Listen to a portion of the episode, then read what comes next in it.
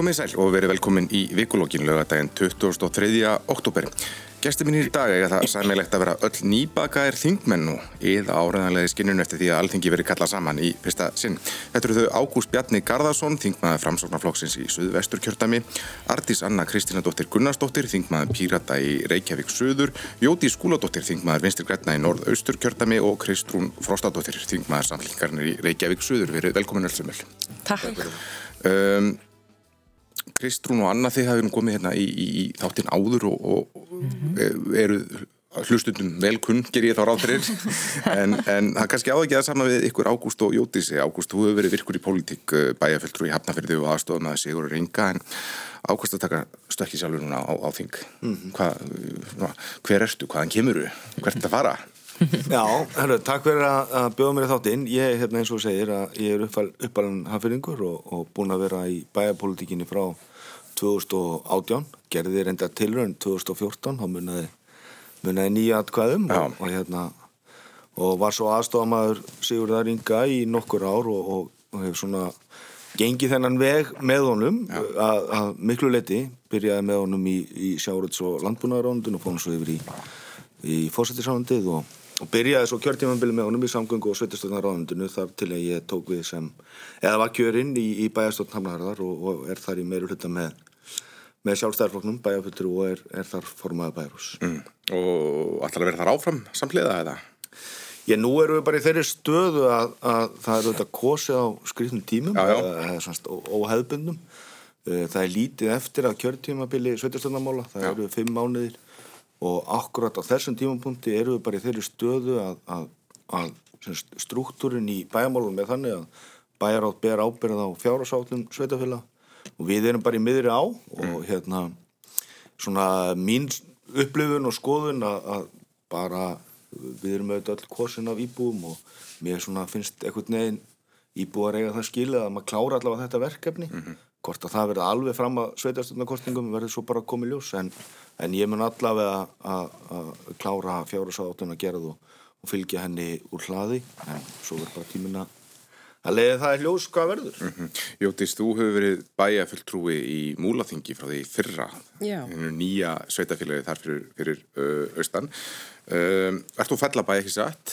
Sem, sem sumur myndi kalla útkverfi á eigilstöðum, ég hef sagt að það megi ekki Aðrir myndi kalla það nafla alheimsins, það er bara svona hvaða við þór fólk. Já, en uh, já, þú ert uppbótað þingmaður og kunnu þessari ringegju sem, sem fór að stað þetta og stendur í raun enn yfir en, en þú ert ekki þitt þingsætir, það er eitthvað í hættu þótt, er þið kosið aftur og, og, og er ringegju færi aftur á stað? Ég tel það nú ekki líklegt Nei. að ég sé í nefni sérstaklega hættu en, en þetta er auðvitað ólíkinda tól, pólitekinn og getur auðvitað að fara hvern sem er og það er auðvitað bara hver niður staða Eh, nefndarinn að verður hvað verður gert Já. og hvernig það kemur út en ég var aldrei í hættu í þessari síðastu ringækju sem mm. En hvernig lág leið þín í, í stofnmáli?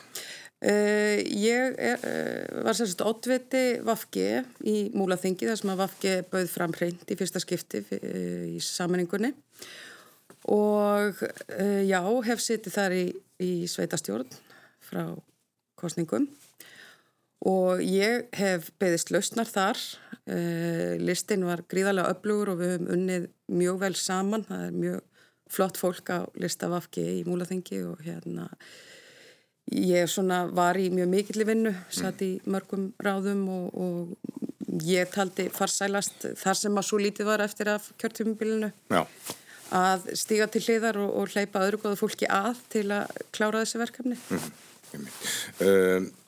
Kristrún og Ardís, fyrstu, dag, fyrstu dagarnir sem, sem þingmenn, hvernig, hvernig hefur það verið? Það hefur ekki verið mikið af svona formlegum þingstörfum en þeir eru sestar á skólabekki sett og svona þurfuð að læra hvernig maður á að vera þingmaður?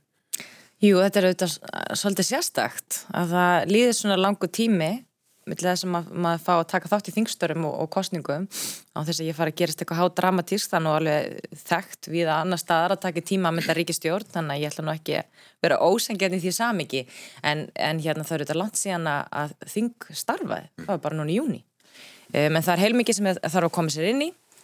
Það er ákveðin svona tæknilega atrið við að vera þingmaður sem að muna eflust reyna á svona fyrstu vikunar um, en, en auðvitað heilmikið vinna sem fels bara í því að koma sér inn í hinn á þessi mál. Mm og, og, og þrátt fyrir að ég sé kannski ekki vongóð um að mörg mál verið tekinn fyrir á þessu haustingi fyrir utan fjárlög um, það breytir því ekki að við erum auðvitað með metnaðarfyllt plan í samfélkingun að koma fram með okkar mál það þarf að undirbúa þau að vinna mm -hmm. um, þannig að, að það er nógum að vera þó að maður setja ekki á, að, í þingstólunum sko. Já, Artís Já, það sem er kannski, kannski vest í þessa stöðu er, er hvað það er að um stutt í það að við þurfum að vera búin að afgreða fjárlög mm -hmm.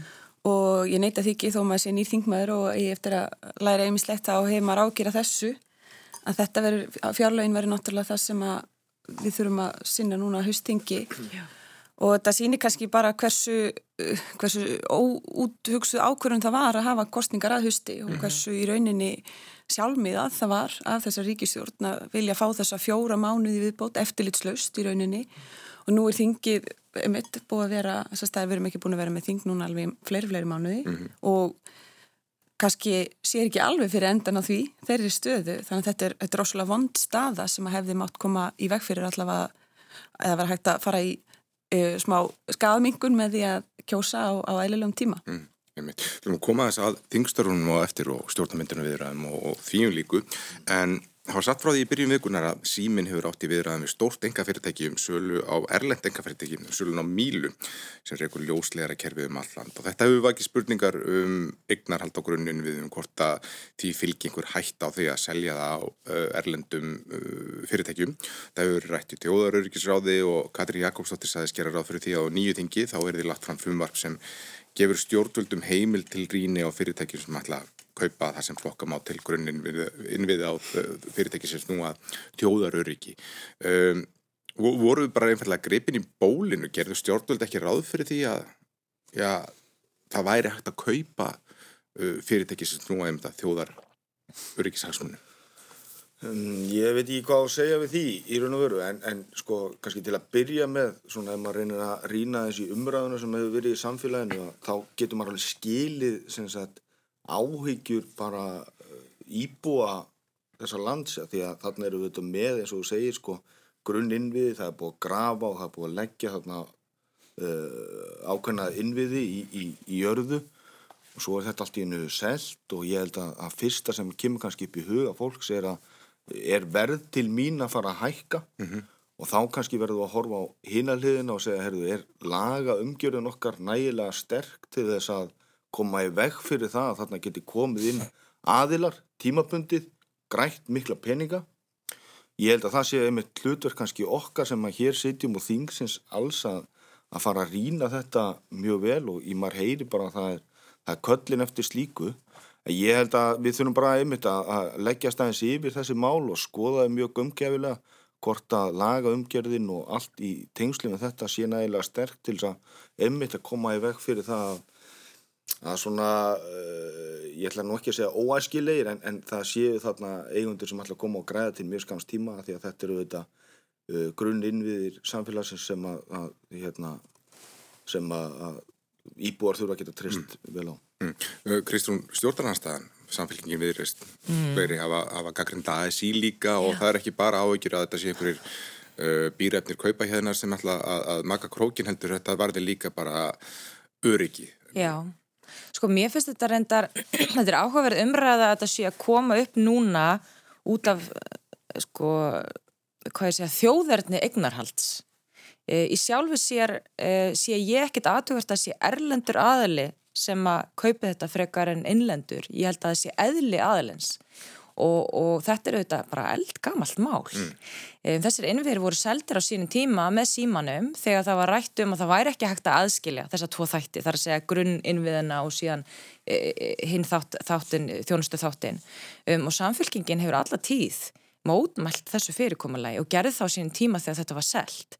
Um, þannig að sko auðvitað koma síðan upp aðstæðar oft í samfélagum þar sem við svona fyrir að endur skoða svolítið það sem við hefum gert og þetta er svolítið afleðing af ákveðinu engavængastefnu sem var hérna fyrir hrun um, og við kannski veltum ekkert ofbáslega mikið fyrir okkur í mörg mörg ár.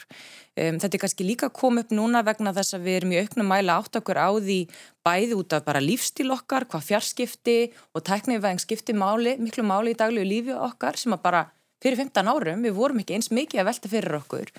Um, og síðan auðvitað líka bara svona þættir eins og veðufar, óveður sem hefur haft áhrif á raforku, hvernig hefur haft áhrif á aðgang fólks að ákveðinu þjónustu um, sem að við hefum kannski bara orðið vittni að undarföldnum missirum sem að vekja okkur til umræðum hvort að þetta hafi verið góð hugmynd á sínum tíma mm. og ég held að við ættum að nota þetta tækifæri ekki til þess að fara að gaggrýna erlend eignarhald og allt sem utan kemur sér slæm heldur við veltum fyrir um okkur hvað við gerðum á sín tíma er lagarammin og regluverkinu og stert og er þjóðaröryggi undir þarna mm. um, og, og við samfélkingunni, meni, þetta, er, þetta er svona ekta mál sem að væri nú gott að hafa starfandi þinga mm. vegna þess að það er bara fullt af spurningum sem er ennþá og svarað um þetta mál. Ríkistjórnin tala til að mynda um að það sé ákveðin skilirði fyrir sölunni Við höfum ekkert fengið að sjá þessi skilir í nefnum smáadröfum. Þannig að það er óbúslega erfitt að taka afstöðu til þessa máls eins og það stendur núna en, en við veit að stöndum bara við það sem við hefum áður sagt að, að grunn innviðir það þarf að huga verulega að því hvort að það sé ykkur hætta þegar kemur að þjóðururki aðgengja þjónustu. Eh, ég held að það sé ekki margir landinu sem að finnst eðlilegt að það sé ójæmt aðgengja hreinu vatni rafmagni, e, samfélkingina minnstakosti hefur ekki tala fyrir engavæðing á rarik, landsniti, landsvirkjun. Mm. Þetta eru auðvitað ákverð sem að tekja um sín tíma, henni verður ekki svo auðvildlega snúi við nema bara í neðarástandi eða þjóðururkis ástandi, en þennan lagaramma þarf að rína virkilega vel og ég hefði viljað sjá starfandi þing til þess að taka á þessu máli. Mm. Þannig að við munum fylgja þessu eftir, en þetta er svona gamlir fortíða drauga sem eru að koma hér upp. Mm. Jótis, við þekkjum á sjárótvegi þess að það eru takmarkanir á eignarhaldi bara hversu mikið má eiga og líka á þjóðverðni að útlendingar með ekki eiga, eiga í, í, í sjáróðulundinni. Þetta er eitthvað slíkt að gilda um til dæmis grunnviði í, í fjarskiptum? Uh, ég vil nú kannski byrja á því að halda því til haga að Vafki var alfarið á móti sölunni á sínum tíma og barðist mjög hart gegn því og þetta er eins og Kristrún minnist hérna á, þetta eru draugarfortíðar, það eru stjórnvöld hverju sinni sem taka þessar ákvarðanir. Uh, og við erum svo ofta að byrja á öfugum enda, við erum búin að selja þetta frá okkur mm. og svo setjum við í þessari stöðu í dag. Og þetta er ástæðan fyrir því að Vafki vil sjá innviði lands og þjóðar í ríkisegu, af því að eins og staðan er núna, hér hefur verið nefnt, getur ekki ríkistíðin og keift þetta við erum auðvitað staða ríkisjórmála eftir, eftir COVID er eins og hún er og það er ekkit sjálf gefið að ef eitthvað klikkar í engavæðingunni að þá sé alltaf ríkið stöndugt og tilbúið til að hoppin og, og, og, og bjarga málum. Mm. Uh, ég tek nú undir það, ég er ekkit vissum að erlendir fjárfestar séu alltaf endilega verri heldur en innlendir fjárfestar. Ég held að þetta sé bara spurning um engavæðinguna og hvaða sko innviðir bæði með almannahag og eh, varðandi þjóðuröryggi eiga að vera í ríkiseigu. Mm. og ég held að þetta er staðan núna. Svona er hún. Það kom nú í ljós í nótt að það er búið að gera þarna ákveðin samning að, að, að áframhaldandi viðræðum og hérna ég held að það sé mjög mikilvægt að uh, eh, þjóðuröryggisráð hefur stíðinn hefur fundað, ég veit að Katrin hefur fundað með formannum allra flokka, það er alveg verið að fara vel yfir málinn og þau eins og hún benti á þessi svona skilirði sem að, sem að ríki getur sett að, að þau koma fram mm. fljóðlega. En er það ekki áfellistómur yfir, ekkert endilega sérstaklega flokkum, heldur bara þinginu sem slíku að það sé ekki komin þessi heimild uh, þingsist uh, bara stjórnvalda til þess að rína erlend fyrirtæki sem er að kaupa svona mikilvæg fyrirtæki? Ég, ég veit ekki hvort það er einhver áfællist dómur. Það er nú mín persónlega skoðun að í svo mörgum málum, það er alveg sama hvort við erum að tala um fiskaldi, við erum að tala um vindorku, við erum að tala um bara alls konar hluti, að við förum á stað og, og, og gefum út leifi, förum soldið á und undan okkur mm -hmm. og, og, og ég held að það sé bara mjög mikilvægt og það er áherslur vafki að koma einhvern veginn laga rammanum og böndum yfir hvað sem það er Já. sko eignarhaldið hvort það er erlend eða innlend, hvað það eru stór hluti uh, ég held að það sé stóramálið sko. mm. Artist þið í, í Pírutum hefðu þetta látið fjarskipti og tölvukerfið, ykkur var það. Hvernig, hvernig, horfur þetta mál við þér? Sannarlega, uh, ég er einmitt Kristrún nefnir hérna tímasetninguna sem hefur einmitt verið aldrei nefnd í umræðinni mm -hmm. og ég tek undir það sem einmitt hún var að segja það er ekki rétt að þessu umræða sé að koma fyrst upp núna og þessu er kannski ránglega stilt upp sem einhvers konar gaggrinni á það að þetta sé erlendir aðilar. Þó að það vekjum ákveðinu spurningar þá er það ekki aðal spurningin að spurningi snýst náttúrulega um þetta að hvaða leiti eiga okkar grunninn við að vera í eigu og umsjá enga aðila og það er náttúrulega marga spurningar sem vakna þarna, til dæmis bara það hvernig uh, aðilis sem að er fer áfram á hagnaða sjónamiðum, hefur áhuga á, á starfsemi sem að er í rauninni uh, stuttafríkinu, ríki er að greiða með þessu. Og þá, það spila inn í þessu spurningu, Hva, að hvað leiti er á þessi þjónusta að vera í engaðila og svo einmitt, minnst áhugavert að hýra Jóti sér tala um það að við þurfum, það þarf að gæta lagaramannum og annað og þarna kristalla svolítið hvað það er vond að hafa ekki starfandi þing mm -hmm. að núna er, núna er fórsætsræður fyrir um að, að, að fara áfram með þetta sagt, að koma með eitthvað frumvarp einhver tíma fyrir jól þegar að salan er gengin í gegn Amen. og þetta vekur upp áhugju sérstaklega vegna að það er ekki eins og þessi sala hafi komið upp í gær Amen. þetta er búið að vera í undirbúningi lengi það, vek, það vekur upp áhugjur hvað ríkistjótin er að bregðast seint og ítla við þessu, mm. þessu. Uh, Við langar að fara yfir í næsta mál sem er talningamáli þá enn eftir að fá botn í talningaminstökin í norðvestu kjörtami. Kjörbreyfa nefnd undir fórustu Birgis Árnánssonar, hún fór í rannsóknarleðingur í vikunni getur við sagt í Borgarnes og er að reyna að átta sig á málsatvikum og maður velti fyrir sér, er einhverju ósvarað í þessu máli sem slíku að ykkar mati annað en bara hvort þessar kostningar er að tella skildar eða ekki? Ég, þetta er svolítið snúin spurning sko, hérna, eins og þú segir að við erum auðvitað með þessa nefnda störfum í dag mm -hmm. Sem er að vinna þessa vinnu, það eru fulltrúar allara flokka sem eru þar inni, uh, er að, er að rína gögn og, og kalla eftir upplýsingum um það hvað raunverulega áttur sér stað þarna um, við þessa talningu mm -hmm. uh, og, og svona ég held að svo mynd heyri maður á, á nefndamönnum, hún er kannski aðeins að skýrast og hérna það mun kannski líða uh, þessi vika á næsta þar til að við fáum eitthvað svona eitthvað gögn í hendunar hvað þetta var en, en því eru auðvitað ekki að neyta að þeir staða er auðvitað óheppileg ég held að það sé kannski vægtul orða tekið og hún er kannski ekki góð fyrir sérstaklega þá uh, aðila sem að fóri í þessa ringegju og hún er ekki góð fyrir þingi heldur mm -hmm. en, hérna, en þetta eru auðvitað bara uh, samkvæmt stjórnaskara og, og lagarammanum eitthvað verkefni sem við þurfum og okkur ber að leysa og ég hérna bara fullt tröst til nefndarinnar og, og hérna hún voru auðvitað bara að fá tíma til þess að klára hérna sína vinnu. Mm -hmm. uh, Artís fyrir lögfræðinga var þetta nú öruglega svona eins og hálfgerður salgetiskassi að horfa á Sögulegu viðbyrður uh, Þetta er náttúrulega mjög alvarlegt mál. Þetta er mjög alvarleg stað sem er komin upp. Uh, það er kerfið sem við búum við núna er náttúrulega þannig undarlega gert að það er alltingi sjálft sem að þarf að taka ákvörun þarna í, mm -hmm. í ein máli og það uh, líka setur þingflokkin, setur, setur þingmenn í, í erfiða stöðu þar sem að það eru þingmenn sjálfur sem að muni þurfa að taka þessa ákvörun og þá er kannski erfitt að tala mjög hátt um það hver hugsalega niðurst það er því en við viljum ekki áslá það það, það, er, það má ekki gera lítið úr því hversu alvarlegt þetta er. Og það það er þess vegna sem að það skiptir líka svo miklu máli að það sé vanda til verka. Mm -hmm.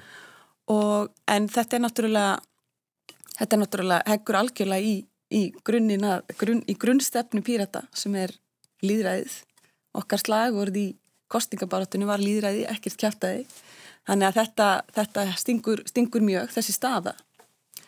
Og bara ég vona bara að þetta við náum að leysa þetta sem fyrst. Já, við, stöndum eiginlega fram með fyrir að allir kostir í stöðunni eru einhvern veginn vondir getur við sagt, það er hægt að fara í uppkostningu en það er bara væri undir mjög sérstökum kringumstæðum þar sem, uh, þar sem við vitum hver, hvernig úrslutin leikja fyrir öllum öðrum kjördamum það verður mjög, mjög svona undalegt að fylgjast með en áhugavertingar síður. Uh, eða við getum bara látið setja talninguna bara duga og svo verður við bara að sjá til hvort að það verður kert, kert til mannhættu domstólsins og þingi gæti fengi úrskur þar í hausin uh, þegar síðan trefur en, en, en grundvallarspurningi hlýtur bara að vera svo hvað getur við gert til þess að bara almenningu getur treyst þessari niðurstöðu? Ég ætla nú að uh, byrja því að segja að ég treysti nefndinni vel og það sem að ég hef séð til þeirra að það er mjög fagleg vinnubröð þau reyna að hafa þetta eins opið og, og gagsett og hægt er mm -hmm. og, og ég held að nefndin þurfi bara að fá einmitt frið til þess að ljúka þessari vinnu. Það eru allir sammálum það held ég hvað sem þeir sitt í flokki. Þetta er auðvitað uh, bara mjög döpur staða að þetta hafi komið upp en eh, reglurnar segja til um hvernig á að leysa úr því og það er undirbúningskjörbröðanemndin sem er að störfum og er að gera það eins vel og hún getur held ég og, og mun bara ljúka því og, og ég held að við getum ekki tekið eitthvað afstöðu, fólk hefur eins og við rættum hérna kannski áðan uh, mismunandi skoðanir mm -hmm. sumum finnst ekkit annað koma til greina en að kjósa aftur, öðrum finnst fyrirtalninga á að standa og svo einhverju sem finnst setnitalninga að standa og það eru svona skoðanir fólks eh, á, á hérna í landinu en að samaskapi hefur maður heyrt af kjósendum í þessu kjördæmi sem bara myndu aldrei mæta á kjörstað aftur mm -hmm. ef uppbyrðið kosið að nýju. Þannig að þetta er auðvitað bara snúist að en ég legg bara á það áherslu að nefndin er að starfa og er að gera það vel mm. og ég held hún að ég bara fá frið til þess. En mér langar líka að segja því að það, þeim er tíðrætt um það hér stöðlum úr minni hlutanum að það er eins og hér sé bara eitthvað lömunar ástand það er innan við mánuður frá kostningum. Eh, Stjórnamynduna viðræður ganga vel og ekkert stórkoslegt hefur komið upp á. Það var kosið að hausti, það er alveg, má gaggrína það, mm -hmm. en ég held að, að það sé nú ekki þannig að hér hafi allt verið bara í lamassessi. Kom, komum að stjórnmyndunum verðunum eftir smástund, Kristrún, uh, talninga, klúðrið, uh, þarf, ekki, þarf lögjafinn að gera eitthvað núna bara á kjörtíðanbílinu næsta til þess að uh, sjá til þess að þetta endur takkið sín? Nýja stjórnarskraf. Ég held, að, ég held reynda sko algjörlega óháð skoðun fólks á stjórnarskráni og hvað þurfa að breyta þar að hugsa ég að flestir þingmenn séu mjög hugsi yfir þessari stöðu sem þeir finna sjálf sig í. Um, mér dætti ekki huga þetta er það mitt fyrsta verkefni sem þingmaður að þurfa að kjósa um eitthvað svoleiðis. Um, og ég held að mörgum finnst þetta bara þungbært vegna þess að fólk upplifir mikla vikt í þessari ákverðun um, þetta er stór atkvæðagreðsla um, og maður vil auðvitað kjósa með sinni sannfæringu. Við erum auðvitað öll hér í dag á þeim stað leifi ég, leif ég mér að segja að sko, það getur ennþá ýmislegt breyst í þessu máli. Mm -hmm. og, og ef við bara tala fyrir sjálfum ég, meni, ég minn bara mynda með skoðun á þessu þegar öll gögn eru komin fram og til að frá nefndin eru komin. Og það er mikið fljótandi ennþá, ég menna við sjá, sáum nýjar fréttir núna í vikunni bara af þessari hérna sektargreðslu sem var lögð fram um, af lauruglunni e, þar sem að komi raun og það bara skýrt fram að varsla kjörgagna hefði ekki verið e, almennileg. Þetta auðvitað kannski kemur fólk ekki óvart þar að segja að það hefur verið rætt mikið um þessu vörslu en þarna er bara svona skýrt merki sem er lagt fram. En það er hins vegar verið að leggja mata það í nefndinni út frá kostningalögum hvort að svona ágallar séu nóg til þess að, að rýra trúveruleika hérna kostningana mm. og ég held að talandi um vonda kosti ég held að besti kosturinn í þessu sé sá og við komum út af þessu ferli og enginn þurfa efast að öllum steinum hafi ekki verið lift um, og það hafi ekki verið uh, hérna, stað þessu fer, að þessu ferli almenlega um, og það er að þýlitunni til má segja að það er ljós fyrir enda gangan að við höfum möguleika á því að sinna þessu verkefni mjög vel. Ef við horfum á þannig verna þess að niðurstamin fyrst og fremst taka með að því hvort að, að fólki finnst eins og þetta hafi verið rannsakan á vel mm -hmm. og allar upplýsingar hafi, hafi verið til staðar. Um, mér langar svo til þess að kommenta á það sem að Jótis var að segja en ég ætla kannski bara að gefa þér hérna, eh, getur við farið út í þetta strax? Við fyrir eftir, eftir smástund það er mér aðeins að klára þetta það eru kannski tvær spurningar sem eru undirlikjandi uh, í þessu talningamáli sem skila kannski ólíku svari. Það er annars vegar, er eitthvað sem bendir til að krukka hefur verið í kjörsellu með eitthvað þess að dagur og margir segja bara neyfið því.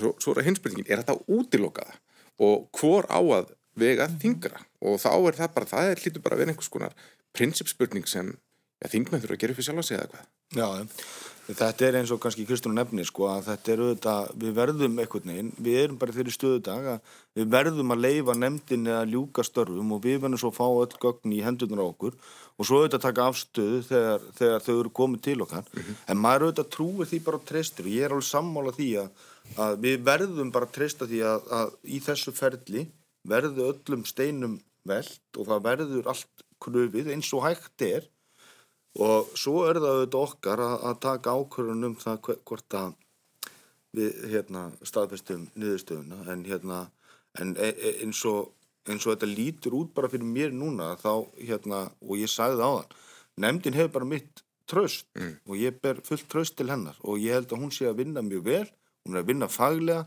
og ég held að hérna, svona, mín von er kannski að, að hérna, og ég held að kannanir hafa líka einmitt sínt það að, að svona uh, fólk ber tröst til bæði nefndarinnar og niðurstöðu kostingana en við verum auðvitað, getum kannski ekki alveg uh, bent á það fyrir að gögn eru komið til okkar þingmanna. Mm. Uh, ef þið voru að komaði viðtækjunum þá verður það að hlusta á vikulógin. Gæsti mínir eru Ágúst Bjarni Garðarsson, Jóti Skúladóttir, Ardís Anna Kristínadóttir Gunnarsdóttir og Kristrún Frostadóttir.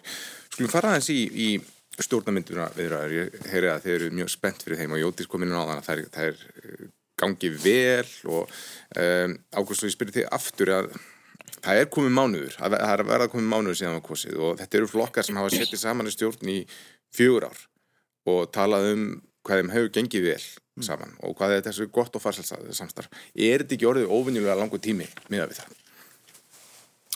Ég veit ekki hvað skal segja. Við erum, þetta er, ef, ef maður ætti að setja ykkur að þrjá hluti í þetta, þá er þetta fyrsta, þá er það þessi staða í norðvestur sem að eitthvað nefn þarf að leysa. Og ef maður tólka niðurstöðu kostninga þá varu þetta niðurstöðan mjög skýr. Uh, annars vegar að, að vilji þessa lands var að ríkistjóðnir helt velli.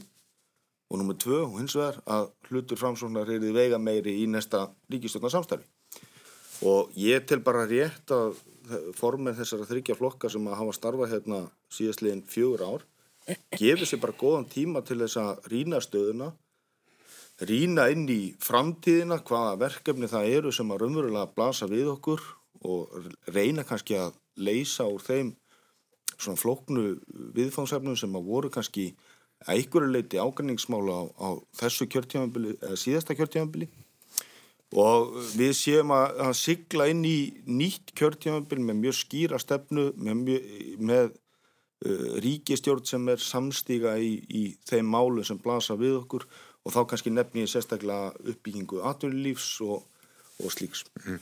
Uh, Ardís, hvað lest þú út í þennan tíma? Í, þennan tíma? Er, ég menna það hefur, það hefur tekið lengri tíma að mynda ríkistjórn, er þetta, er þetta eitthvað gruðsamlegt? Það, það er náttúrulega ekki búið að staðfesta kjörbreið þingmanna þannig að það er vissulega mjög skrítin staða uppi og, og persónulega hefur mér þótt í rauninni skrítið að sjá áhersluna á stjórnamynduna viðræðina þegar að það er ekki búið að leysa úr þessu grundvallar atriði.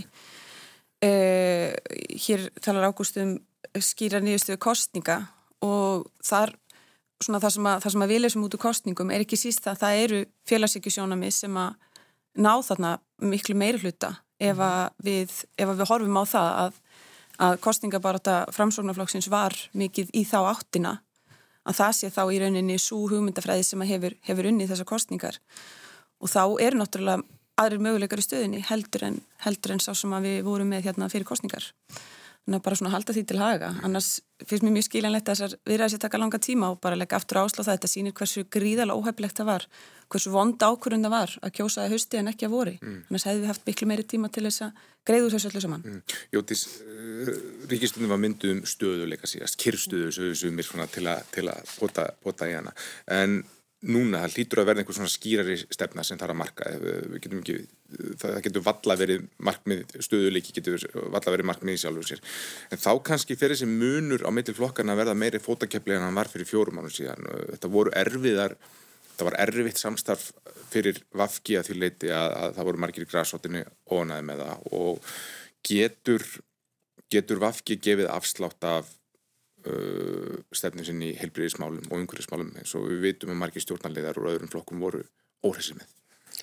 Sko, ég held að það sé nú mikilvægt að halda því til haga. Það er mjög sögulegt að ríkistjórn fái slíka niðurstöð eins eins og gerist núna. Er, er, og okkur var spáð af hróði að hafa unnið með ákveðnum flokkum og, og, og slíkt. En þannig að það er auðvitað algjörlega ljóst að uh, þjóðin vill Katrínu í fórustu og það að, að viðræður taki langan tíma mér finnst það ekkit óæðilegt. Það eru liðin fjögur ár, það, þetta eru gríðarlega ólík sjónamið á milli þessara flokka uh, þú talar um stöðuleikan núna erum við þeirri stöðu við erum að, að koma hér út úr vonandi COVID að, að allt landslag er allt, allt öðruvísi og ég held að þessi þrýr flokkar, uh, hvernig þeir brúðust við með því að hafa innspýtingu í atvinnulíf með því að í staði fyrir að draga úr, að gefa í, að, að styðja við innviðina. Ég held að það hefur skipt miklu máli og ég held að það sé það sem við sjáum á næstu fjórum árum að við þurfum að halda áfram að byggja upp, þannig munum við komast út úr þessu. Uh, ég veit ekki hvað skal segja varðandi til dæmis tíman sem að viðræðirnar er að taka. Uh, nú höfum við þessa reynslu síðustu fjögur ára og það voru ákveðni málaflokkar sem að við uh, í Vafgi höfum vilja sjá ná lengra og, og það þarf auðvitað bara að, að mynda stefnuna mm. og hvernig við ætlum að komast að samkomla í um hana. En fyrir því bara sem þingmann Vafgi getur þú hugsaðar að gefa afslátt af sjónamiðum eins og hálendis þókariði eða engarekstri í, í helbriðskefninu? Nei. Það er bara hart. Já, sko, ég auðvitað, ég er mikil þjóðgarsmanniska og sko, Vafki er auðvitað bara breyðfylking og, og það er ekkit einhver einstefna þar innan. Við erum ekki öll sammála um öll mál. Ég persónlega er mjög fylgjandi hálendis þjóðgarði og ég held að hann uh, sé mjög mikilvægt mál fyrir Vafki. Mm. Uh, flest eru við nú sammála um uh, upplugt ofinbært heilbriðiskerfi. Mm. Þannig að sko ef þú ert að spyrja mig sem mannesku þá er þetta eitthvað sem ég hef staðið fyrir og talað fyrir uh, bara í gegnum kostningabartun og annað og ég held að, að þess vegna eru þetta þessar viðræður að því að, að þarna eru þessi sjónamið sem að þarf að, að mætast með. Myndur þú styðja ríkistótt sem hefði ekki hálundistjókarð inn í stjórnarsáttmála? Ég er bara ekki tilbúin til að svara því núna. Ég hérna, er auðvitað ný á vettfangi, ég stend með þeim hérna, málum á best heima í mhm. VFG. Við höfum fundað í þingfloknum mjög reglulega og þess vegna upplifi ég kannski ekki eins og aðrir hér að það sé eitthvað láteiða í, í málum en, en uh, okkar formaður hefur haldið okkur mjög vel upplýstum um, um stöðuna og, og ég held að við séum bara mjög sátt við hvert þetta er að fara sko. mm. Kristrún, hvernig líst þér á? Já, við heyrum nú svo sem lítið sem erum ekki þarna innan hús en hvernig lestu eitthvað sérstaklega í stöðuna?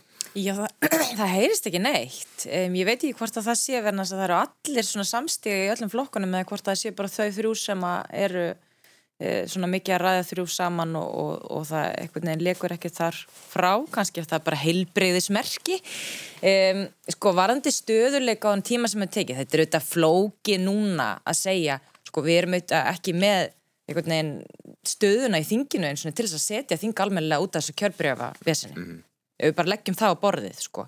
En mér finnst sko samt, þetta er svona enneitt málið sem er svona svolítið skjólið fyrir ríkistjóðina COVID var svona svolítið skjól pólitíst sko um, ég menn það var bara neyðar ástand, fólk kom saman bara mjög eðlilegt að það reyndi kannski ekki á ákveðna svona pólitíska sín og, og, og svo er þetta svona enneitt skjólið sem að, að hérna, skapast og gera það verkum og það er auðvitað erfitt kannski fyrir stjórnarnandstöðun að segja bara setjum þing á morgun skilur eða, eða þrýsta á þessar viðræður vegna þess að við vitum bara að málin eru þannig og það er einfallega ekki hægt að gera þess að staðin er núna.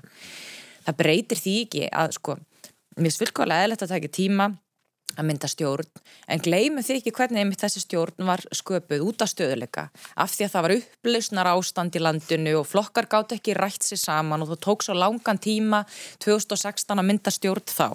Og, og, og fólk var kannski svolítið að kaupa sig inn á það. Mín tólkun, sem er bara mín persóna tólkun að niðurstöðum þessara kostninga, að var að fólk vildi það er að koma út um COVID, koma út um svona miklum erfileikum og vildi kannski bara ekki breytingar og, og og hafði ekki áhuga á því að sjá mikla breytingar þar á og þá hefði maður haldið að það væri bara svona mjög auðvelt að fara inn í þetta stjórnasamstarf en það er það sem er að koma upp á yfirborðið, mm. það er ekki eins auðvelt mm. um, þannig að það auðvitað bara vekur upp það spurningur og það verður áhagast að sjá hvernig þetta kjörtímbil verður ef af þessu verður en þess að ég vek aðtegla því nema það hefur farið fram hjá mér einhverstaðar að eru þetta eins og orðnar formlegar viðræður er búið að nefna það sem svo. Við erum búin að vera fjórar vikur í óformlegum viðræðum mm. í lokuðu herbyggi þar sem ekkert hefur heyrst, skilji. Um, þetta er auðvitað bara sérstakt. Mm. Þó að þau hafi þetta skjól, þetta er auðvitað sérstakt. Það var enn þessi stóru mál sem að eh, hérna munu koma upp. Ég meina, þetta er auðvitað bara eitthvað sem að stakki flokkar þurfa að eiga við sig.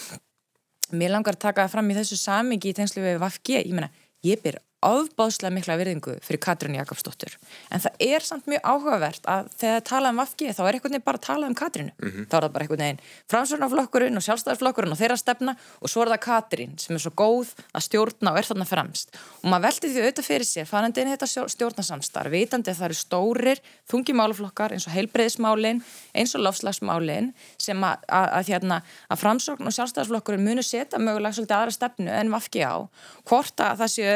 gefa það eftir bara fyrir það eitt að Katrín fái að stjórna menn að það sé bara hausin sem skiptir máli.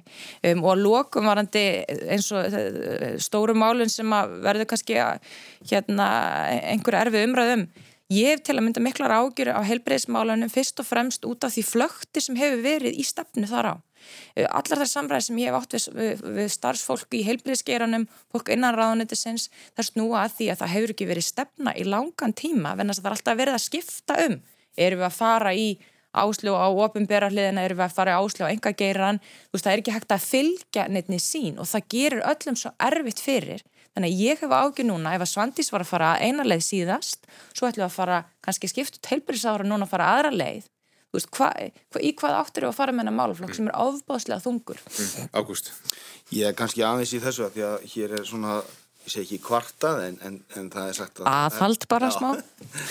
Að, að það er snúið að mynda stjórn og það kannski á rætur líka í, að rekja í það hér voru náttúrulega ákveðin flokkar fyrir kostningar í ykkurum útilókunar leggjum að vildi ekki starfa með þessum og vildi ekki starfa með hinnum og það þetta flæki bara stöðun uh, hins vegar eins og ég sagði hérna á hann ég held að, að því að stjórnin sagt, eh, ríkistjórn vinstri græna, sjálfstæðisflokk og framsónar fekk mjög skýrt umboð til mhm. þess að halda áfram. Og þá held ég að sé röggrétt að formið þessara flokka gefið sér núna tíma, þeir hafa vissulega gefið sér góðan tíma til að setjast niður og fara mitt inn í framtíðina. Það eru mjög stór verkefni sem blasa við okkur. Og það er ólíkt ástand núna og var 2017 þegar þessi stjórn tók við. En þess að það var auðvitað búið að vera mjög mikill pólitískur órólegi í samfélaginu og fólk kannski þá var fyrst og fremst sest niður og sagt, heyrðu, við þurfum að skapa hérna, stöðuleika og sátt í samfélaginu í hennum pólitiska umhverfi. Mm -hmm. Nú er staðan hins vegar önnur. Það eru bara græn atvinnu uppbygging og heilbreyðismálin, umhverfismálin og allt þetta sem við þurfum og þessi flokkar sem eru núna í viðræðum að setjast niður og móta veginn til framtíðar. Hins vegar vanandi aðeins að því að hérna, hér er talað um Katrinu og hér er talað um vilja þjóðarinnar til þess að að, semst að hún sem er skýrt umbóðin það eru bara eina kostningar, síðustu kostningar voru 25. september. Og í þessu sammingi vil ég bara benda það. Það er mér, mér í feskum minni að því að ég tók þátt þá sem aðstofamæður í kostningunum 2017 að það var 70% tjóðurinn sem vildu að framsóknari leiðandi ríkistjórn en það voru bara 10% rétt rúm sem kusu flokki skiljiði hvað er að fara? Mm -hmm. það, ég menna þess að saði ég hérna áðan að að svona minn lestur út úr kostningunum er þessi að ég held að það sé mjög augljóst að það sé vilji þjóðarinnar að, að svona merki mínsflokks framsónar verði mjög skýr í þeim viðræðum og ég treysti mínu formanni en, en, til að leiða það til ykkur. Svo ég spyrir þig eins og, og Jótís, eins og með hálendisþjókar, getur þú hugsað að stiðja það? Ég, það eru þetta, miðhálandi stjókar var í stjórnarsámála mm -hmm. núanandi og ég held að þetta snúist kannski fyrst og fremst um uh, samráð og samstarf og ég kem bara úr sveitistöldna vettmangi að uh, það er einhvern veginn þannig og, og ég held að ríkja hefði miskilið þennan þátt uh, undarfarið að skipula svaldi er alltaf í höndun sveitafélag og það er kannski upplöfum þessar sveitafélag á þessu svæði hefur verið á þann veg að segja, herðu, ríki er að koma og, og setja okkur eitthvað há, hálendistjókar og ætla að rýfa af okkur um leið skiplasvaldi. Ég held að það sé alveg hægt, vel hægt, með þess að, ná einhverju sátt um einhvert þjóðgard. En, en það þarf auðvitað, það gerist ekki bara að þingi taki það eitt og sér til sín í þessu ferli þarf að vera mjög gott samstarf og það þarf að vera mjög mikið og ríkt samstarf við sveitafélagin á svæðinu áður en að hægt er að klára máli. Þannig að þú væri til í að samþykja einhvers konar útvatna átgáfi af, fyrri.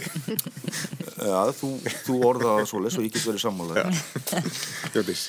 Já, ég verð nú að byrja á því aðeins að hérna, svara Kristrúnu og mér finnst það kalda hvaðið til Vafgi að Katrín sé þar eitthvað einræðis herra og, og hún sé Vafgi. Við höfum auðvitað haft gríðarlega öflugar á þeirra í sko, umhverfisáðanettinu og ekki síður í heilbreyðisáðanettinu mm. og ég hvet Kristrúnu til að kynna sér heilbreyði stefnu sem að likur nú fyrir og er... En, en það er staðrinsand sem að vera það, það vilja miklu fleiri fá Katrínu sem fósettisáðara heldur en kusuflokkin? Já, sko Katrín hefur verið bara gríðarlega vinsæl fósettisáðara og þá er það þvert á flokka fólk úr öllum flokkum uh, stiður Katrínu og, og vil sjá hana þarna áfram mm -hmm. uh, ég bara ítrekka það við auðvitað töpuðum einhverju fylgi í þessum kostningum en þó alveg fjarrið því sem okkur hafi verið spáð Ég mæltist aldrei inni, ekki einni einustu skoðanakönnun fyrir kostningar og úslitt. Kostningarna urðu mjög ólík því sem að mm -hmm. hérna uh, margir höfðu spáð og mér langar líka kannski að segja varðandi kostningabartuna að það voru þetta bara ákveðnir flokkar og ákveðnir einstaklingar sem að bara kerðu sína kostningabartur á því hvað Vafki væri vondur kostur og það er náttúrulega, þá eru þetta flokkar komnir í málefnileg þrótt ef það er það sem þeir hafa um að tala í barátunni sko. En eh, varðandi þjóðgarnin að þá held ég að við skulum alveg halda því til haga að samráðið hefur verið mikið og gott. Það eru þetta þannig að það eru ákveðnir hagsmunir sem að takast þarna á og ég held að þessu máli verður auðvitað landað, ekkit út vötnuðu neitt þessu máli verður landað og það, ég tek bara undir hér að, að það þarf bara að halda áfram þessu samtali, sveitafélagin þurfum við að koma þarna að. Mm. Við höfum gríðarlega jákvæðar einslu af uh, vatnajökulstöðugarði, mikil atvinnu uppbygging, þetta er það sem við viljum sjá á landsbyðinni Við viljum sjá uh, okkar auðlindir, okkar óspiltu výðarni inn í einhverju regluverki. Þetta kemur inn á það sem við byrjuðum að tala um, reglurnar í kringum okkar auðlindir mm. og um okkar uh, sko, land og uh, þjóðgarður er bara mjög góð leið að því. Mm. Uh, Kristofur, ég spyrir bara kannski aðeins um Já, samfélkinguna og úslitin fyrir hana í þessum kostningum að þau voru nú ekki jafn góð og þið höfðu vonast eftir og höfðu mælst töluvert herra í, í konunum bara fram að forvalinu í flokknum eða, eða þegar stilt var upp á, á, á lista. Hvað takir þið uh, út úr þessum kostningum fyrir ykkur? Þarf samfélkingin að leggjast í einhverja naflaskoðun og hugsa bara að breyta stefninu eða eitthvað slikt? Ég held að það sé bara ímislegt sem þurfa að skoða í því samingi. Um, Við vorum auðvitað ekki sátt við þessa neðstöður. Um, þar voru svolítið mísafna líka eftir bara svæðum um, hérna í Reykjavík og síðan á, á landsbyðinni og annar staðar. Um, ég held að þetta sé bara mjög eðlileg spurning og ég held að við þurfum að, hérna, að fara í ákveðna vinnu hvernig við náum betur til fólk sem okkar stefnumál vegna þess að í grunninn eru jafnaðarmenn við það á Íslandi en þeir eru greinlega bara ekki allir að kjósa samfélkinguna. Mm -hmm og, og hérna ég held að það væri mistök að halda því fram að það sé ekki eitthvað aðtugvert við það hvernig við erum að koma okkur bóðskap um, fram þannig ég hérna hef talað bara fyrir því sjálf og það eru margir sem gera það í samfélgengunni að við, við veltum því aðeins fyrir okkur hvernig við tölum við kjósundur og almenning og hvernig við komum okkur málum betur til skila verna þess að við stöndum en þá við, það er hugssjónir að þetta sé svo stefna sem er byggt bestu samfélagi heimi mm -hmm. Norrannu löndin, við erum að sjá hérna gríðilega sterkar niðurstöður í Þískalandi núna, það sem að jafnamenn er að fara að mynda stjórn þar, þannig að, að hérna, ég held að þetta sé bara tími til þess að leggja staðins líka undir feld og veltaði fyrir okkur hvernig við komum fram e, með okkar stafnu. Já, fyrst er að logi eftir að vera formaður í næstu kostingum? Já, það er ekki mitt að segja þessum tímbúndi, hérna við, hann hefur fullan stöðning núna í flokknum og það eru þetta ímislegt sem að mér bara gerast á þessu kjörtímabili. Mm. en það eru þetta bara flokksins í heild og, og græsrótarinnar og ég legg áherslu á það. Ég sjálfur hérna bara í umbóði græsrótarflokksins mm. og ég held að, að það sé ákveðin tenging sem ég líka styrkja og þurfu bara eiga, eiga sérst að heiðarlegar viðræður um það. Og ég hef sendt verið hérna ásöku um það að vera ekki hreinskiptin sjálf. Mm. þannig að mér finnst bara fullkomlega eðlægt að við tökum þessu samtöl. Mm. Þú hefur nefnt sér svona framtíða lit og í flokknum langaði að vera formað Það hefur verið nefnt, einhver starf hef ég tekið eftir Ég hugsaði að þessi bara ekkert komið að því að ég ræði þetta en þess að ég hef ekki eins og sest á þing. Þetta er þetta mjög sérstök stað að vera í. Um, þegar svona um, umræði komin upp áður en að maður hefur þetta reynslu á einhverjum þingstörfum um, þannig að, að hérna, ég teku þetta þessu bara um, ákveðinni auðmygt og auðvitað er bara gaman og jákvæmt að, að fólk sé ánægt með mann en það er ímislegt sem að ég mun líka þurfa að kynna mér núna á komandi kjörtjumbili þannig ég held að það sé ekki tíum bara að ræða þetta núna mm. Artís, hvað er ykkur í pýröndum? Hvað takkir þið með ykkur úr þessum kostningur?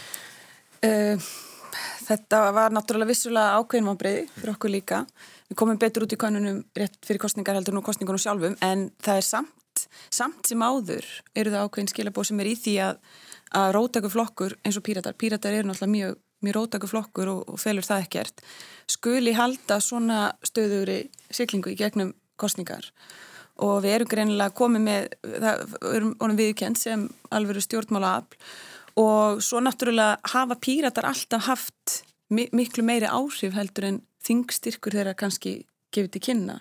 Við höfum náðu gríðilega mikilvægum málum í gegn og ég hef trúið því að það sé ekki sísta vegna þess hvernig við vinnum. Við erum reyði búin að vinna með öllum og svona svo pólitík sem við stundum hún er svo lítið flokkspólitísk og það hefur bara sínt rosalega mikið árangur þannig að við erum samt bara mjög jákvæða bjart sín og ég get ekki sagt að það sé einn gríðarlega vanbrið með þessa kostningu þetta mm. bara er í rauninu bara í bestamál. Mm, þið hafið svona, já, reyndu ákveði útspilu, tilgjutu það að þið varu tilbúin að verja ákveðna ríkistór vantrösti og já, það hefur alltaf enn sem komir ekki skiljaðin innum árangri. Uh, ekki enn sem komir, þetta er náttúrulega hugmynd sem var ekkert að koma fyrst upp núna, Nei. þetta hefur verið nefnt, nefnt áður á hálfu pírata. Þetta er eitthvað sem að, er, sem að dýtkast í öru löndum hefur ekki verið talin hefð fyrir hér á landi mm -hmm. en við teljum að gæti verið mjög góð kostur mm. og, og það er náttúrulega Við, við stöndum við það og erum til í það og höldum að það geti bara verið mjög farsælt. Mm. Það hefur verið nokkuð rætt um hvað skal segja, búsettu þingmanna eftir þessar kostningar og gekk mynd á samfélagsmiðlum í vikunni sem held að ég sá hana hjá höllu signíu í framsvonfloknum að af 63 þingmannum þá eru 12 með lögheimili utan höfuborgarsvæði sem Jótís þú ert eina af þessum 12 er, er, er líðræðishalli? Í sko það er auðvitað algjörlega deinuljósara að hagsmunir eru allt aðrir á landsbyðinni heldur en á höfuborgarsvæðinu og þessi mynd er sláandi þegar maður horfir á hana. Og ég finn bara til gríðalegar ábyrðar sem landsbyðar þingmaður sko ef við horfum á myndina og sjáum nú eru við tvær fyrir allt Östurland og sko og ekkert smá landflæmi af því svo er hérna engin á höfn og, og, og svo er Bjarkæði fyrir norðan þetta er, þetta er, já ég segi það þetta er sláandi að horfa á þetta á landakortinu og þetta eru þetta ekki í lagi. Það eru eh, eins og ég segi ef við horfum í einhver ákveðna málaflokka við erum að horfa á bara Uh, jafnt aðgengi að heilblöðistjónustu, við erum að horfa á mentamáli, við erum að horfa á samgöngumáli, við erum að horfa á atvinnuuppbyggingu. Á landsbyðinni býr bara eh, fjöldi fólks sem að þarf alla sömu þjónustu og hér er á höfuborgarsvæðinu og það er auðvitað þannig að einhver sem að kannski ég veit að ekki býr hér og, og hefur alla sína æfi og starfað það er ekkit vist að sami skilningur sé á mikilvægi þess uh, að það séu gerð göng eða að vegum sé haldið opið. En þetta er spurningstundum upp á líf og dauða fyrir íbúa þessara svæða. Þannig að þetta er ekki heppilegt En, en, en segir, þessi, segir þessi mynd segir hún alltaf söguna? Því að það eru þingmenn vissulega fleiri þingmenn í kjörtamennum sjálfum. Já, ég, ég held að það sé bara þannig að, að þetta er auðvitað daldið bara miskipt við sjáum og ég auðvitað tala náttúrulega sérstaklega fyrir norða-austur kjördæmi mm -hmm. og þá ekki síst fyrir Östurland. Mm. Hversu mikilvægt það er og þegar við förum í forvöl og annað og þá eru við þetta með Akureyri og eigaferðsvæðið sem langt flestir íbúðanir eru á að þú veist það verður svo lítill möguleiki og það er sama ef við horfum á vestfyrðina að, að sko þarna sitja bara ákveðin landsvæði eftir. Mm. Kristján, umræðan hefur, um þessi mál hefur svolítið snúist um atkvæðavægi, hvað mm -hmm. það þurfa að jafna það og svo frammiðis en svo, svo sem maður á þessari mynda það er nú ekki þannig að landsbygðin sé að, að sópa til sín þingmunum.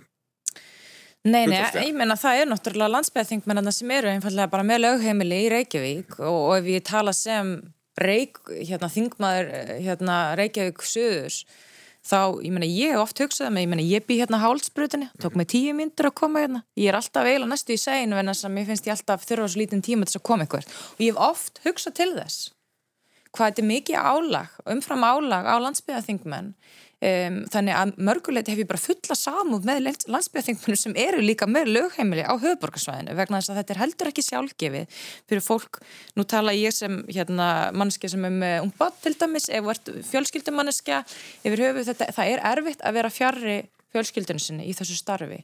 Þannig að, að mörguleiti er þetta eðlilegt, finnst mér. Það sem að mér finnst auðvitað að skipta mistum máli er hvar hugur fólks er og sem, sem hérna reykvikingu sem er, er alin hér upp og, og hérna er líka þingma reykvikinga, þá get ég samt alveg fullist hér að mér eru landsbyðamálinn mjög hugleikin. Ég meina, ég er í flokki sem að tala um jöfnuð og ég meina byggða jöfnuð er bara mjög stór partur af þeirri umræðu. Við röðum upp á lista við um allt land til dæmis út frá kynjasjónamiði, það er fullkólega eðlert að þetta sé teki til gaggjara skoðana í mörgum flokkum þar með tala í samfélkingunni hvort að beðajöfnur eigi að vera atriði sem að teki meira meða þegar það ræða til dæmis upp á lista í því samingi, en það er auðvitað hugurinn sem skiptir máli eh, af því að staðrindin er svo að ef þú skoðar sko vægi þingmanna og atkvæða þá er það auðvitað ennþá þannig að landsbyðin hefur töluvert hlutvalstætt vægi með þegar kemur að kostningum með þá sem eru á höfburgarsvæðinu til að mynda við ber saman norðvestu kjörtami og kragan og mér finnst ekki endilega sjálfgefið að það þurfa að vera þetta mikla ójapvægi um, til þess að verja hagsmunni landsbyrjarnar. Það þarf fyrir kannski að taka almenna umræðum, það bara hvernig við í þinginu störfum og við séum að hugsa með breyðari hagsmuna leðaljósi verðan þess að það mun aldrei geta gerst að öll þau verðmæti sem verða stað, eiga sér stað hér á landi, öll þjónustan sé veikt bara á einu horni og það þarf að gera þess að kröfu þetta bara til allra þingmanna um, frekar en að við upplifum þannig að þetta þurfa að vera uh, þingmenn sem að nákvæmlega búa í, í hérna, þessum á þessum stöðum, en mér langar í lókin líka að benda á vægi sveitafélagana mm. Verna þess að ég hef mikið velt fyrir mig sveitastjórnapólitík þó ég hef ekki setið í því til dæmis fjárhagstöðu sveitafélaga samskipti við, við ríkisvaldið og það hefur mikið verið kvartað yfir því að það hefur verið tregðað þar á milli. Um, og það er auðvitað það sem mesta nærþjónustan er veikt þannig að það er líka bara stort hagsmunamál fyrst mér á þessu kjörtjömbili að verja betur þessi samskipti um, hvernig fjárvitingum er, er ætla á þess áttar yfir í sveitafélagana því að það ásinn alltaf stað alveg gríðarlega mikilvæg þjónusta og þar býr fólk á staðunum sem sinnir þeim hlutur mm. Artís Já, uh, þetta er ég tekundi kannski það sem þú varst að segja á hann þetta segir kannski ekki alveg alla söguna hvar fólk er með lögheimili, en svo tek ég líkundi með Kristrúnu varandi það að það, það sem skiptir mestu máli er hvar, hvar hugurinn er.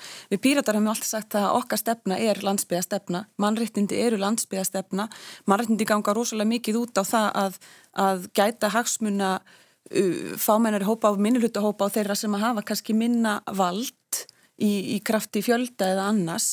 En svo er það sem að skiptir líka svo miklu máli í þessari umræðu, það er hvers vegna skiptir það máli að landsbygðin hafi sína fórsvarsmenn inn á þingi það sem að uh, gerir það svona mikilvægt eins og staðanir er líka það að sjálfstæði sveitafélagana er kannski meira í orði en á borði í okkar kerfi uh, það er tryggt í, í stjórnarskranni sannarlega en við, svo erum við að sjá það að uh, jafnvel þó sem vilji til þess að flytja ímisverkefni til sveitafélagana og þingi gerir það þá fylgir því ekki fjármagn og annað.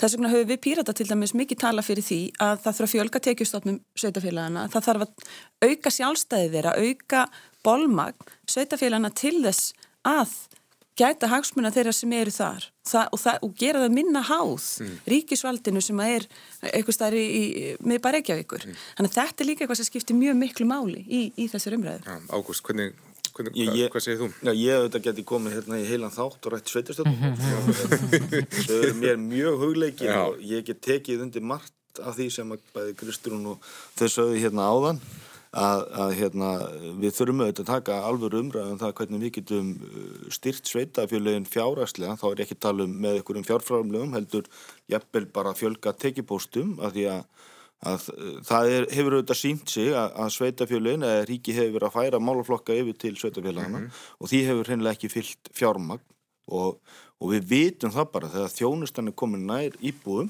að þá hefur hún tilnefningu til þess að aukast sem að í raun og vera á að vera gott. Við eigum og það er vilji okkar allavega sem sitjum í sveitastjón að þjónustu íbúna vel. Og, hérna, og ég held að þetta sé kannski þáttur sem hafi glemst í þegar menn hafa, þegar ríkið hefur tekið það ákvörðin að færa máluflokka að, að, að sagt, þessi nær þjónustu vingil, hann hefur glemst í umræðinu og, og þess vegna og það er ástæðan fyrir því að, að fjármunir hafa kannski ekki skila sér og þetta er umræða sem við þurfum bara að taka á þinginu mm. uh, varðandi atkvaða vægi að þá get ég alveg tekið undir þetta. Hér er auðvitað fjöldin í, í, á höfbrukarsvæðinu Uh, en, en ég held að við séum öll sammálum þá, ég held að við getum horta á alla flokka sem eru á þingi sem segja, herðu, við erum allavega sammálum eitt og það er að hafa landið í byggð. Mm -hmm. við erum sammálum það að við viljum hafa Ísland allt í byggð. Uh, og þá skiptir svo miklu máli að svæðin séu með þessa, þessa rödd mm. uh, og ég held að það sé kannski svona líkil þáttur í, í þessari umræðu þegar við erum að nálgast hana að að Ísland allt sé með eitthvað rödd og, og, og öll sveitafjölu og öll byðalú sé með málsvar mm. uh, Núna rétt í blálókin, hvað ætlaði að gera um helgina? Hjóttís? Ég er bara að hlaupa hér út leið og þú segir stopp Já. og fara á hérna Kardimambæn nýri í þjóðleikúsi með bönunum mínum og svo ætla ég bara að njóta og hafa það gott mm. Kristrún? Ég er líka að fara á leikús núna klukkan eitt en ég er að fara í borgarleikúsi á tjaldi með hérna dóttur minn og manni Svo er ég að björka morgun sem er miða sem ég kefti fyrir, ég veit ekki, tveimur áru síðan held ég. Já, mjög spennandi. Það er myndi viðtalið hérna hérna á rási eitt klukkan fjögur á morgun, ekki missa því. Uh, Artís, hvernig lindir helginum þér? Ég er nú bara með lítinn hlaupabólustrák heima, Já. þannig að ég verð nú sennilega bara svolítið, svolítið í því að Já. knúsa hann. Já, Ágúst, þú varst á tónleikum í gær. Þegar við, kona mín, fórum á frábæra tónleika hjá hann í Bríet í hörpunni í gær, alveg einstakur listamæður og, og mikil upplifun að fara þá. Mm. Uh, ég er hins vegar að fara í ammali hjá æskuvinni í, í kvöld, svona stráka ammali, bara svo ætla ég að vera með drengjónum mínum tveim og, og konu. Já, það var eins gott að vikulokkin voru ekki á morgun. Kæra það ekki fyrir komuna Ágúst Bjarni Garðarsson, Jótís Skúladóttir, Kristrún Frostadóttir og Ardís Anna Kristínadóttir Gunnarsdóttir. Hafa það gott, verið sæl. Takk fyrir. Takk, Helga.